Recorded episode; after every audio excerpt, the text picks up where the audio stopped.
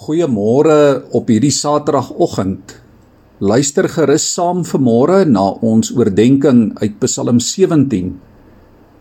Die digter se lewe is hier in gevaar en daarom vra hy dat God hom sal help. Want God help mense wat in opregtheid na hom toe kom. Die digter gebruik twee pragtige beelde om God se beskerming te beskryf.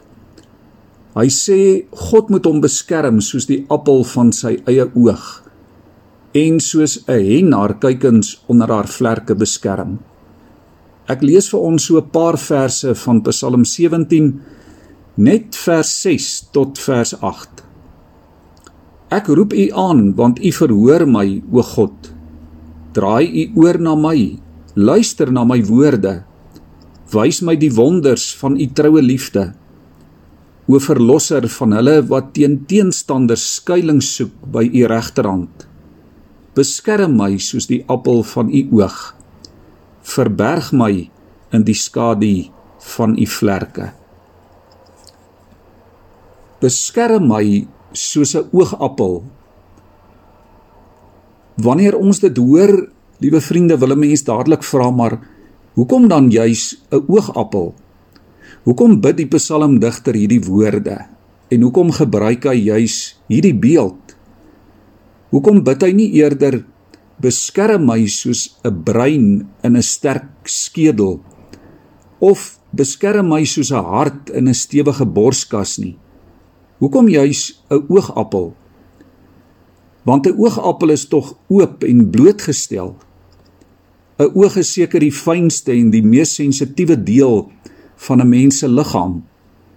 Dit is oop en bloot en onbeskermd en weerloos.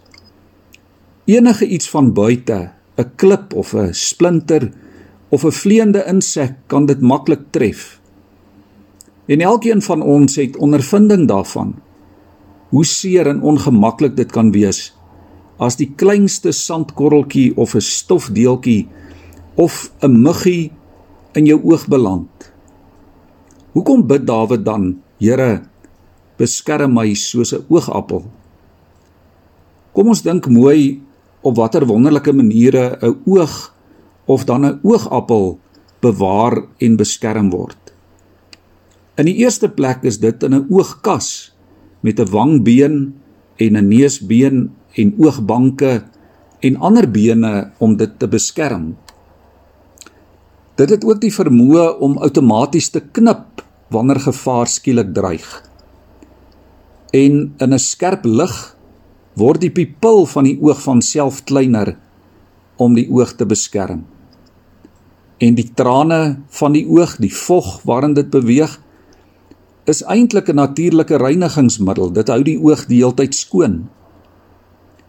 Liewe vriende, as gelowiges kan jy en ek vandag in hierdie onbeskermde, gevaarlike wêreld kom bid. Here, beskerm my soos 'n oogappel. Here gee my die vermoë om in 'n oogknip my lewe toe te sluit teen die bedreigings van die lewe, teen die sonde, teen gevare.